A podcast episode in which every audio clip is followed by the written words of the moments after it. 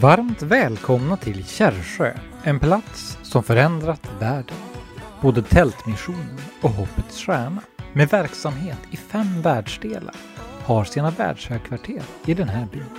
Det var här deras grundare, Erik Gunnar Eriksson, växte upp. Det var här han höll den första Kärrsjökonferensen 1964. Och det var här, under den sjätte konferensen, som Hoppets Stjärna föddes. Och i detta nu deltar du i den digitala Kärrsjökonferensen 2021. Välkommen till kvällsgudstjänst med Morgan Karlsson. Vet du Lennart, jag har tänkt på en sak. Eh, alltså, vi har ju en digital konferens nu och visst är det ganska häftigt att vi har ju tittare över hela Sverige. Från norr till söder. Kan inte du som ser det här skriva i kommentarsfältet varifrån du tittar så vi får veta var ni finns någonstans.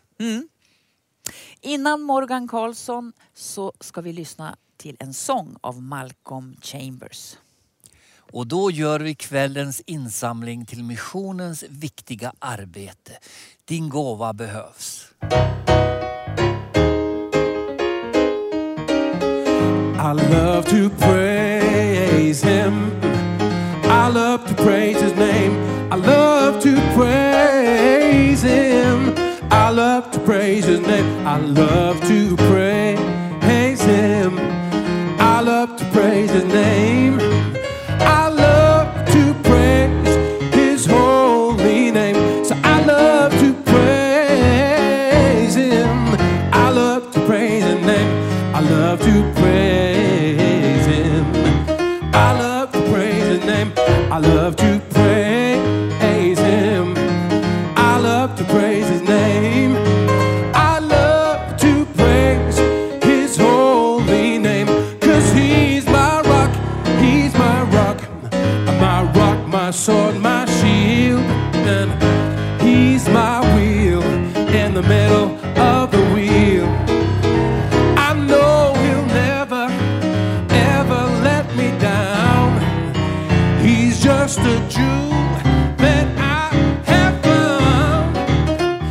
Hallelujah, say hallelujah.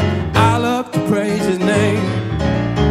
Hallelujah, hallelujah. I love to praise his name. Good God, hallelujah, hallelujah. I love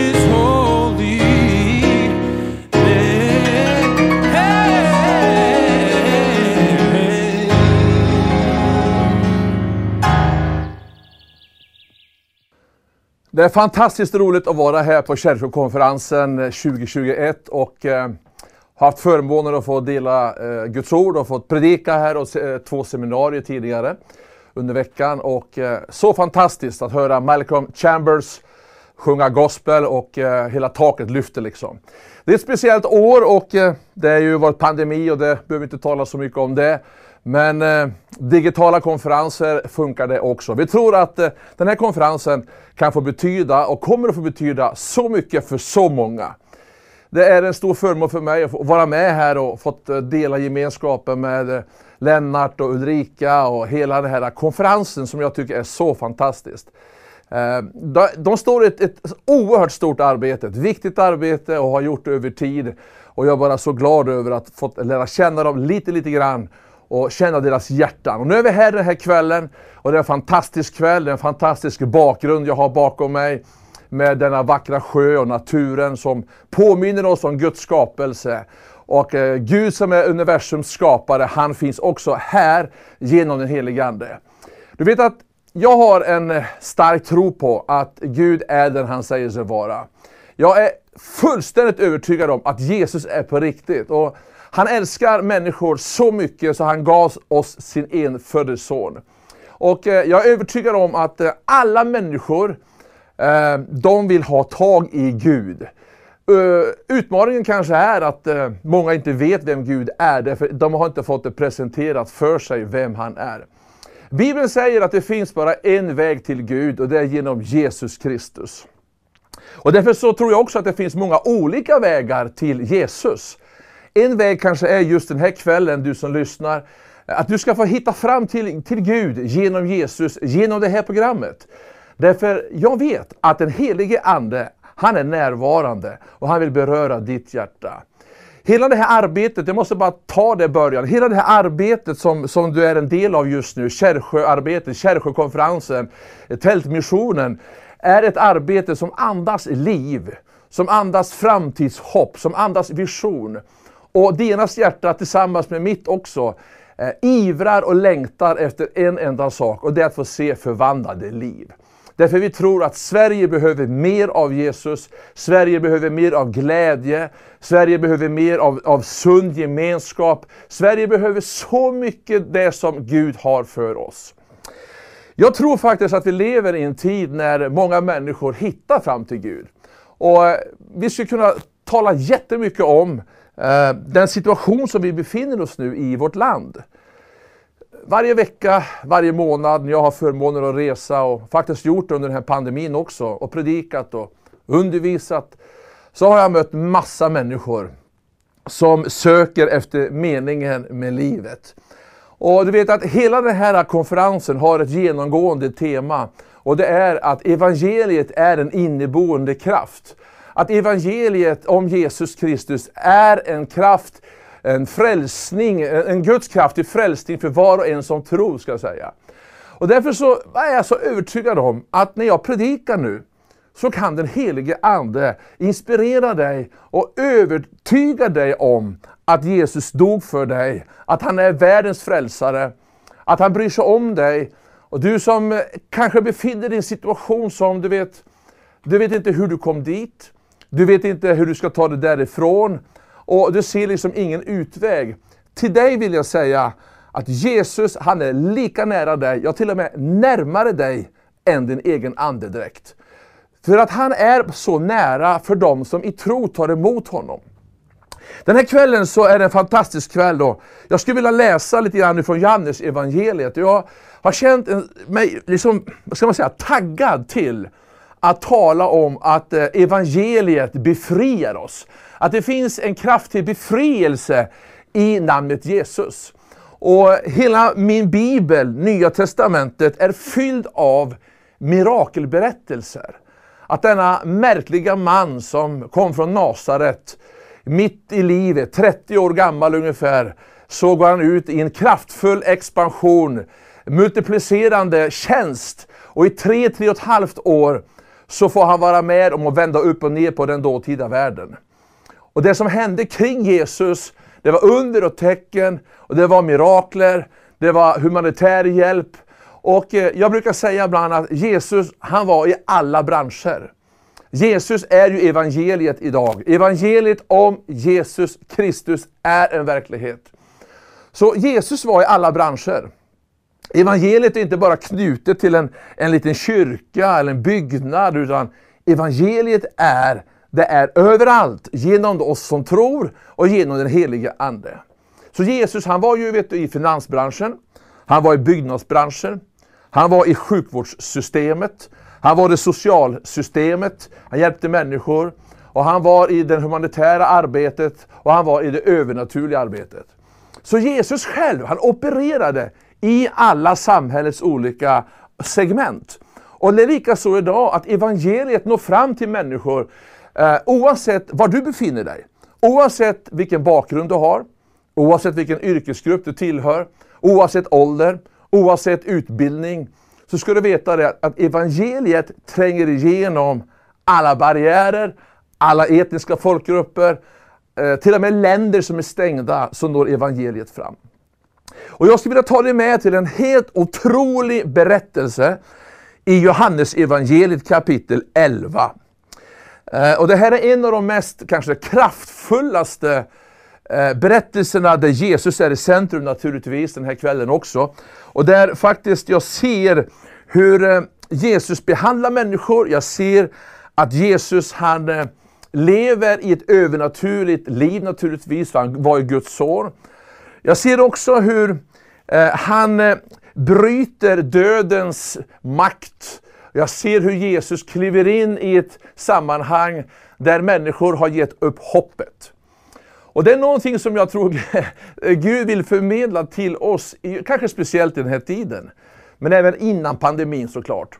Att eh, det finns hopp för människor. Det är inte kört. Det spelar ingen roll vilken djävulskap du har hamnat i. Det spelar ingen roll vad du har gjort i ditt liv. Eh, och jag har sagt det så många gånger, att ingenting i din historia kan skymma framtiden tillsammans med Gud. Och jag har ibland varit eh, radikal och jag försöker ibland med ödmjukhet ändå vara radikal. Inte för radikalitetens egen skull, men ibland så måste man sätta ord på saker och ting. Och jag har sagt ibland så här att, du vet när, när Satan kommer och påminner dig och mig om vår historia. För alla har vi en historia. Eh, och påminner oss om alla de gropar som vi kanske har ramlat ner i. Gropar av besvikelser, gropar av bitterhet, eh, gropar av avundsjuka, eh, irritation, gropar av att inte känna sig sedd och hörd och så vidare. Alla de här groparna som vi kan sitta fast i, så kommer ibland djävulen och påminner oss om vad otroligt dåliga vi är. Jag vet inte om du håller med mig om det, men jag har upplevt ibland att Fienden kommer på olika sätt i tankelivet och det bara finns där.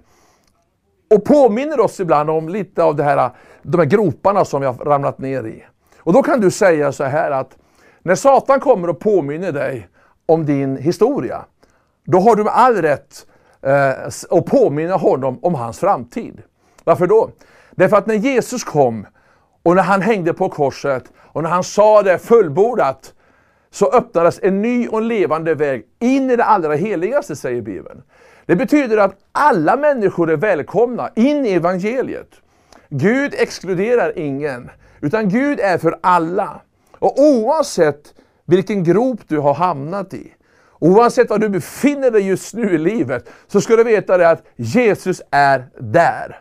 Just nu så kan han röra vid dig. Just nu så kan du uppleva ett helande om du sätter din tro till hans namn som står över alla andra namn. I Johannes kapitel 11 så finns det en berättelse om en man som heter Lazarus. Och det står att Lazarus, han var sjuk. Eh, och det är ju, det, det, många är sjuka, liksom det, det, är en del av livet. Ibland blir vi förkylda, ibland är, vi, är det värre sjukdomar och ibland så har vi Eh, mött vänner och vi har de som har haft cancer, det finns de som har gått bort. Och nu när jag ska tala om det här så vill jag ifrån djupet av mitt hjärta eh, bara säga det till dig att jag har den djupaste respekt för människors situation. Jag har inte svaret på livets alla frågor. Jag har inte svaret på varför saker och ting händer och varför saker ibland inte händer som jag har bett Gud om och som jag inte förstår. Men då får man lämna det. Och jag brukar säga att så länge det finns liv så finns det hopp. Men i den här texten så går Jesus ännu längre. Och det uppmuntrar mig eftersom den här texten pekar på att Jesus, han är mirakelmannen. Och Hebreerbrevet 13 och 8 säger att Jesus Kristus är densamme igår, idag och i all evighet. Tänk på den. Jesus Kristus är densamme, han har inte förändrats. Han är densamme igår, nu och i all evighet. Och det står att det fanns en man då som hette Lazarus och han var från Betania. Eh, och eh, eh, hennes syster, han hade två systrar, Maria och Marta. Du, vet, du som är van att gå i kyrkan, du känner till den här berättelsen. Du som inte går i kyrkan, du kan läsa Johannes 11, hela kapitlet sen, för det är jätteintressant alltså. Men den här killen, Lazarus, han är sjuk. Och eh, det går så långt att han faktiskt dör. Och Jesus, det står så här i vers 6, och det här är väldigt märkligt. För att eh, Marta och Maria, de kallar ju på Jesus därför att de vet att hos Jesus finns ju mirakelkraften. Ryktet hade gått om Jesus, att när han gick fram så blev människor helade, upprättade, människor kom till tro.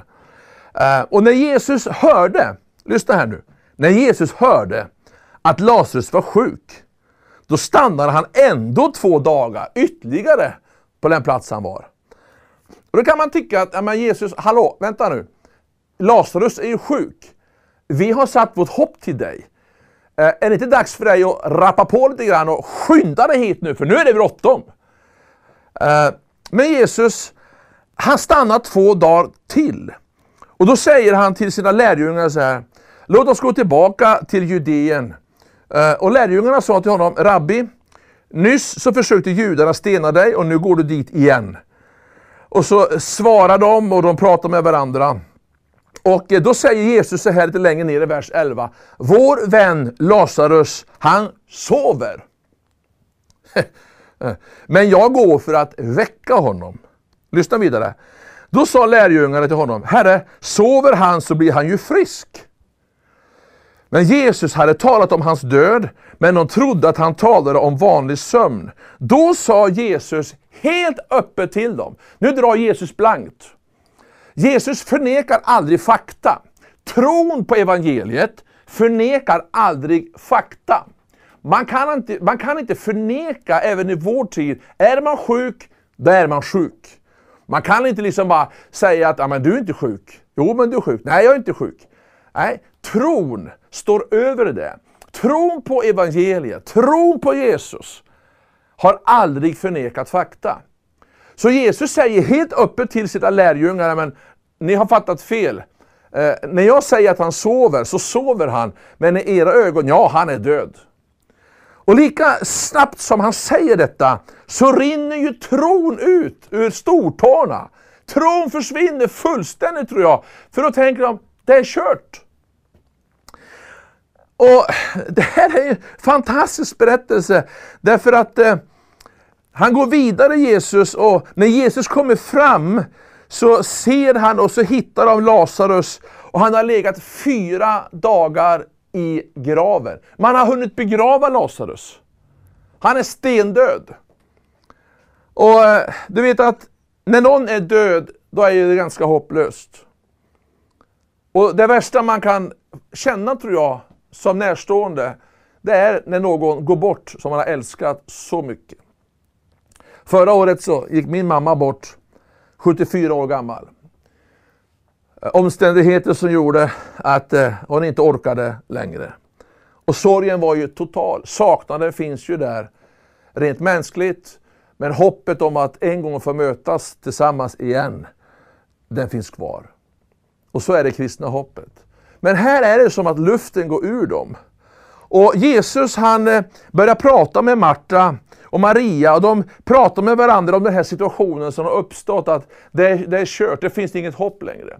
Du vet att vi människor, vi möter ibland saker och saker dör bara. Engagemanget, tron, hoppet. När man har hamnat i de här groparna som jag talar om, så är det så lätt, det är så mänskligt att ge upp hoppet.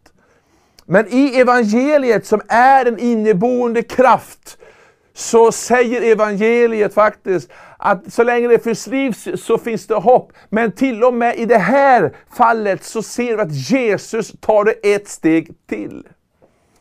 Jag ska inte utmana dig för hårt den här kvällen, men det är märkligt därför att eh, jag vet att i andra världsdelar så finns det rapporter om hur människor som har varit döda har uppstått ifrån döden. Och det, vi, det, kan vi tycka mycket om, om detta, och, och, och men det har hänt. Och det, detta som vi läser här i Johannes 11, det har hänt. Det är vår stora övertygelse. Och Jesus han eh, börjar konversera med dem och då har han närmat sig eh, folkmassan som är totalt sorg. Och eh, i vers nummer 37 så säger några till Jesus så här. Kunde inte han som öppnade ögonen på den blinde ha gjort så att Lazarus inte dog? Så man förnekar ju inte att Jesus är mirakelmannen. Man förnekar inte att det var faktiskt de som var blinda som fick sin syn tillbaka. Och nu ställer man det mot den här situationen när Lazarus har varit död i fyra dygn. Och man har lagt honom i en grav och man har ställt för en stor, stor sten.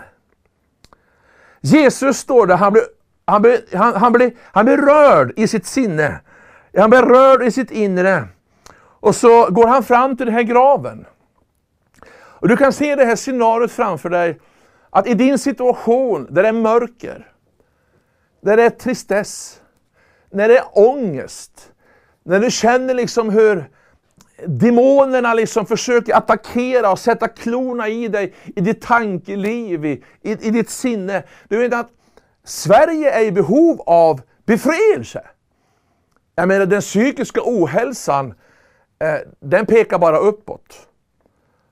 Och jag tror att ju fler som vågar berätta om hur man mår så är det ännu fler som vågar göra det. Så det finns ju en psykologisk effekt också att våga prata om de här sakerna.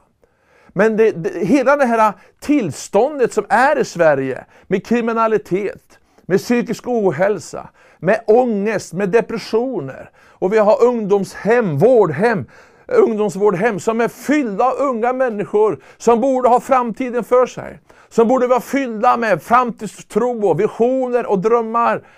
Men istället så ristar man sin kropp och man vill liksom bara ta livet av sig. Så vi lever vänner i en kontext där Jesus är svaret på alla lås. Svaret är den helige Andes kraft in i våra liv. Jesus han går fram mot den här graven. Och Jesus säger, ta bort stenen. Alltså, jag, jag har försökt att sätta mig in i, hur kände de här som stod runt omkring? De kanske tänkte så här, men vad håller han på med? Vad tror han egentligen? Lazarus är ju död. Nog för att han öppnar blindas ögon och döva hör och, och han fixar matunder och han, vi ser mirakler. Men Lazarus, han är död. Hoppet är ute. Det är kört. Så det kan vi känna, eller hur? Vi kan känna det där att ja, men det är kört. Vi har kommit till dead end. Och i vår strävan efter att lösa situationen så, så känner vi bara att ingenting fungerar. Jag har mött jättemånga människor, unga, gamla, som har testat det mesta för att lösa sin situation. Och Många av dem har sagt att de har kommit till en dead end, där de har insett att Gud måste finnas och han är den enda som kan rädda mig. Då vill jag säga till dig att exakt det som den här konferensen handlar om också. Att evangeliet är svaret på våra frågor. Evangeliet är det som bryter in i våra liv. Evangeliet är en våldsam kraft. Och jag själv har fått se hur människor har blivit befriade från djävulskap, onda andar, betryck, sjukdomssymptom. Och jag har sett hur Guds kraft går fram och hans kärlek fyller människors hjärtan med inre, eh, inre glädje och med en frid och en trygghet. Ja, men kanske du säger, Morgan, funkar det överallt? Har du sett det här överallt? Ja, jag har sett det överallt, mer eller mindre.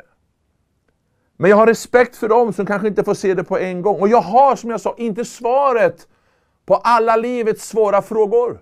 Skulle jag ha det, då skulle alla vilja vara med i den kyrka jag är med i. Då skulle vi ha en sån fruktansvärt hög uppenbarelse så vi skulle kunna räta ut alla frågetecken. Nu har ingen människa det. Men en sak vet jag, det är att evangeliet är detsamma. Och den här texten talar, oss, talar till oss om att det är aldrig kört. Det är aldrig kört. Gud kommer aldrig för sent. Om du vågar bara förtrösta dig på Gud, kasta dig på Gud och säga Gud, om du finns, Jesus, om du finns, hjälp mig. Han går fram mot graven och det är fjärde dagen och Jesus säger så här till Marta, lyssna nu. Har inte jag sagt dig att om du tror så ska du få se Guds härlighet. De tog bort stenen. Och nu kommer någonting helt, jag tycker det är helt underbart. Jesus lyfter blicken mot himmelen. Och så säger han så här, och det är som, du vet att bön är prat med Gud. Okej? Okay? Bön är, kan, alla kan be. För, för prat, det är prat med Gud. Så Gud, Gud i himlen har kontakt med sin son och sonen vänder sig till, sin far och säger Far! Jag prisar dig för att du hör mig. Jag vet att du alltid hör mig. Men så kommer det. Men jag säger det här öppet för folket som står här för att de ska tro att du har sänt mig. Så det är som att Jesus tänker så här. Herre, jag vet att du alltid hör mig. Vi har en sån relation med varandra. Och jag går i total lydnad. Och det som du far gör genom mig, det är mirakler, under och tecken. Men dessa människor som står runt omkring här, de har ingen tro överhuvudtaget. De har tappat hoppet. Därför så vill jag tala ut det inför dig far, så att de ska få tro. Och nu säger jag till dig, att jag säger till dig att du ska få tro. Därför att samma sak som hände med Lazarus sen, som vi kommer till strax, kan hända med dig. Att när hoppet är ute, när det är dött, när det är kört, så kommer Jesus och han kommer rakt in i din situation. Han behöver inte be bönen, han bara gör det som han själv är fylld av. Men du och jag behöver rikta vår tro mot honom som sände Jesus och säga Far Gud i himmelen, om du verkligen är det du säger det vara, låt din son Jesus få röra vid mig. Och Jesus han, han säger detta väldigt enkelt. Jag tror inte han höjer rösten speciellt mycket heller. Utan han säger det med en, med, en, med en trygghet i att hans far hörde honom. Men när han hade sagt detta, som jag tror han sa i en, någon slags samförstånd och en slags känsla av att min far alltid hör mig. Och han som är i mig är större och starkare än sammanhanget och det som precis har hänt. Och då säger han så här, och nu säger han det med hög röst, står det i Bibeln. Han mumlar inte. Han tafflar inte. Han funderar inte på vad han ska säga. Han ber inte en bön ifall, om, kanske, eventuellt. Utan han bara ber och kommenderar. Och han säger till så här, Lazarus, kom ut! Lazarus, kom ut! Och du vet, i de orden så var det inte bara vanliga mänskliga, svenska, taffliga ord. Utan det var gudomlig auktoritet. Därför när Jesus talar så skapar det någonting. Så när Jesus talar ut de här orden och höjer sin röst och människorna står där runt omkring Jesus och är spända på vad ska hända. Är han fejk eller är han på riktigt? Skojar han med oss eller vad, är det så, vad håller han på med? Kanske att några hade vänt honom ryggen och börjat gå därifrån. Därför man hade ingen tro på att det skulle bli en förändring. Men Jesus kommer aldrig för sent. Och då säger Jesus så här. Kom ut! Och den döde kommer ut! ja, ja, jag har lekt med fantasin ibland. Jag skulle vilja varit med där. Tänk att få se en död man komma ut. Och han var inlindad i linnebindlar, så jag vet inte riktigt hur det såg ut när han kom ut. Har du funderat på det? Han var inlindad i linnebindlar uppifrån och ända ner. Men ut kommer han i den Helige Andes kraft. Och då säger Jesus till de andra som står där. Då säger han så här. Gör honom fri och låt honom gå. Och det är ett ord som jag vill gå mot avslutning med att säga till dig. Att det är en sak att bli frälst. Det är den första kallelsen som Gud ger. Gud kallar på dig som inte tror på Jesus. Han vill att du ska få ta del av evangeliets kraft och säga, ja jag vill ha, lära känna dig Jesus. Jag vet inte vem det är, men jag vill börja tro på dig. Och med, munnen, med hjärtats tro och munnens bekännelse säger Bibeln att då blir man frälst. Men den andra kallelsen är ju faktiskt att gå ifrån dödens käftar, ifrån mörker, ifrån den här djävulska liksom, du vet, situationen när allt bara är liksom hopplöst, till att bli fri. Och därför så är jag övertygad om att den helige Ande, som är den tredje personen i Gud, att Jesus med hans kraft, den helige Andes kraft, där du är just nu, så kan du faktiskt säga Jesus jag behöver dig. Jesus hjälp mig, gör mig fri ifrån min fruktan. Gör mig fri ifrån den situationen som binder mig. Jag ber Herre, kom in i mitt liv. Du vet att jag är en predikant som är helt övertygad om att eh, den helige Ande är inte svensk. Den helige Ande bryr sig inte om svensk politik. Den helige Ande bryr sig inte om svensk kultur. Den helige Ande bryr sig inte om din historia, men den helige Ande är himmelsk och den helige Ande har ett mandat. Den kommer någonstans ifrån. Och den helige Ande är där hos dig just nu. Och vill visa på dig att Jesus är en verklighet. På samma sätt som Jesus närmar sig graven och han säger ta bort stenen. Så är det en bild på att Jesus säger till dig, jag vill komma in i ditt liv. Ta bort stenen framför ditt hjärta. Låt mig få komma in i ditt liv. Låt mig få besöka dig. Så öppna upp ditt hjärta. Ta bort stenen. Ta bort din hårda attityd. Ta bort ditt hårda hjärta. Ta bort dina förutfattade meningar och låt mig få komma in. Sverige behöver så mycket av Jesus. Och I den här texten det uppmuntrar mig att till och med när folket, de flesta, trodde att det var kört, så har Jesus ett annat perspektiv. Och han ser någonting som inte de andra såg. Varför? För han visste att det finns ett övernaturligt liv i den helige Ande. Därför är jag frimodig när jag säger till dig. Och jag har respekt för varje situation. Och jag vet att det inte är lätt. Men hoppet är det som aldrig sviker oss. När jag besöker människor som inte har en tro på Gud, som ligger i svåra sjukdomar, där allt hopp är ute, så brukar jag fråga dem, är det någonting som hindrar dig att jag får be med dig till frälsning? För det viktigaste är faktiskt, det är inte att bli frisk i första hand. Det viktigaste är att bli frälst. Att låta evangeliet få ta plats i ens liv. Och erkänna att Jesus Kristus är vår Herre och Mästare. Och jag vill gå mot avslutning och säga så här. Att Bibeln säger att evigheten är nedlagd i varje människas liv.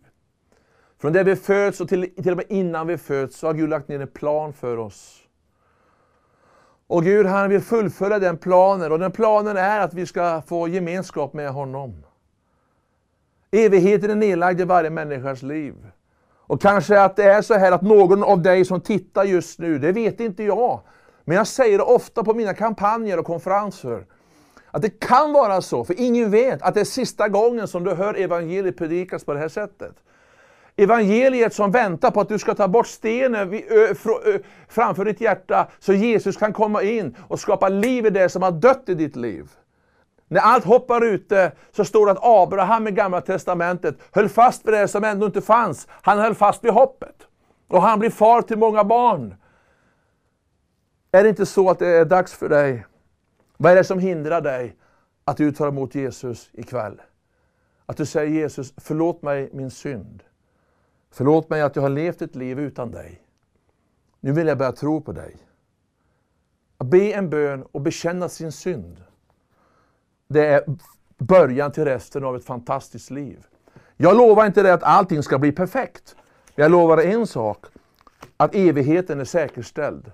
Och när du öppnar upp eh, ditt liv för Jesus och tar bort stenen, likt Jesus tar bort stenen och han kommer in och Lazarus kommer ut och han chockar alla de som står där. Och inte bara att han kommer ut, han blir också befriad.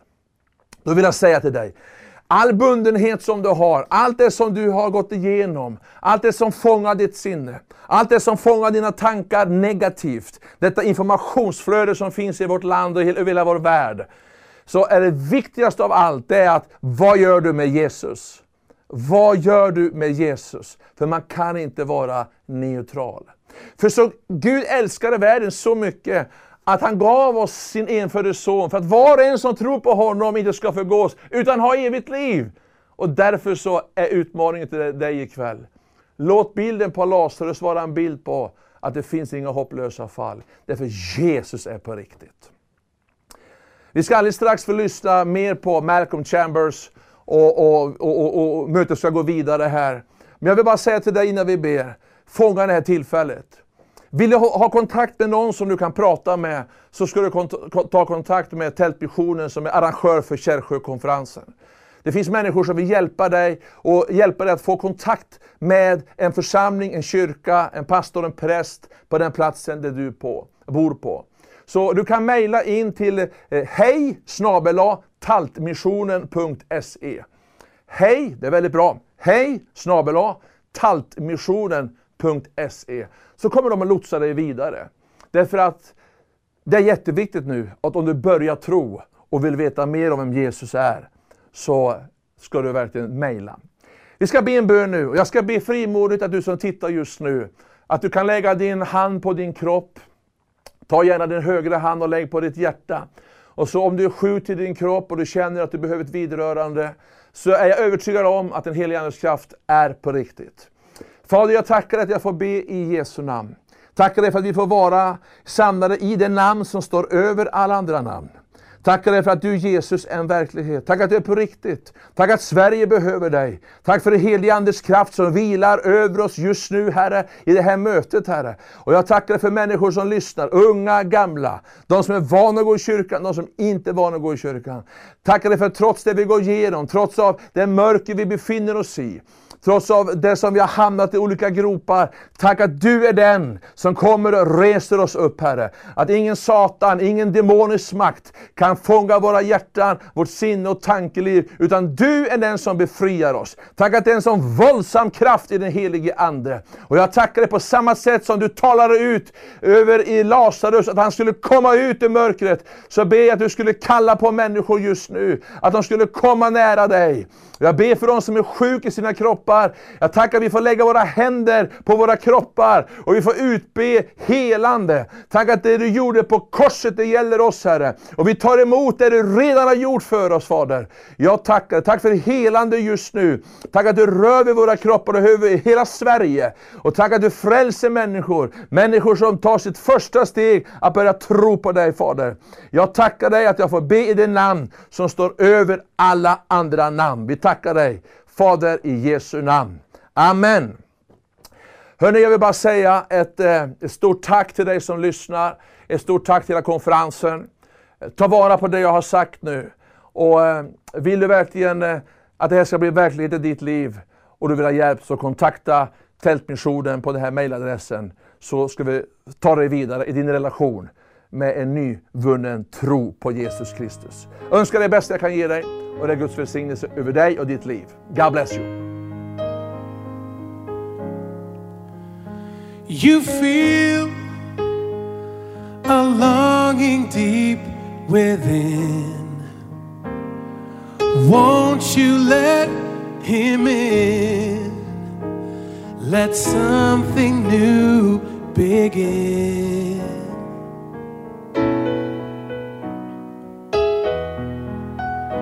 Just like a gentle breeze, he wants to give you peace.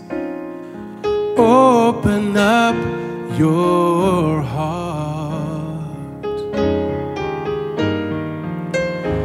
Listen, can you hear his voice?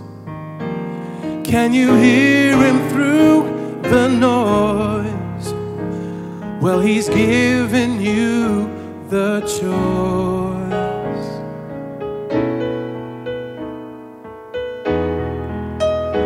Like a whispering in the wind, he's begging to come in.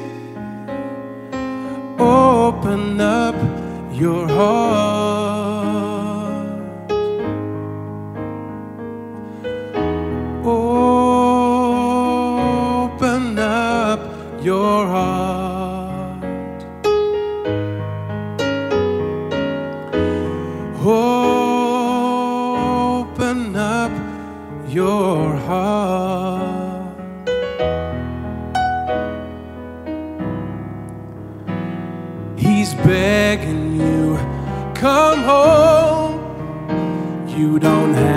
to be alone if you open up your heart.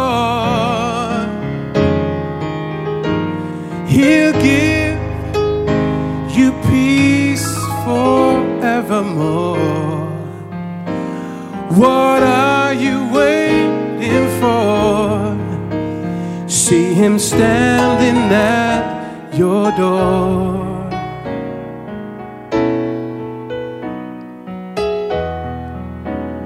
He's calling out your name.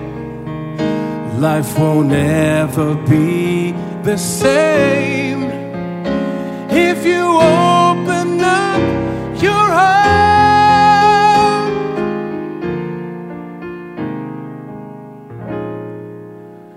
Open up your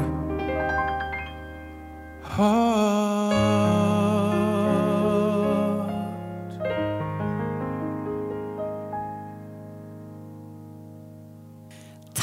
Morgan Karlsson. Men det här var inte det sista från Morgan under årets kärkokonferens. Han predikar även under avslutningsmötet på söndag klockan 16. Men innan dess, missa inte Sebastian Staxet ikväll klockan 21.00.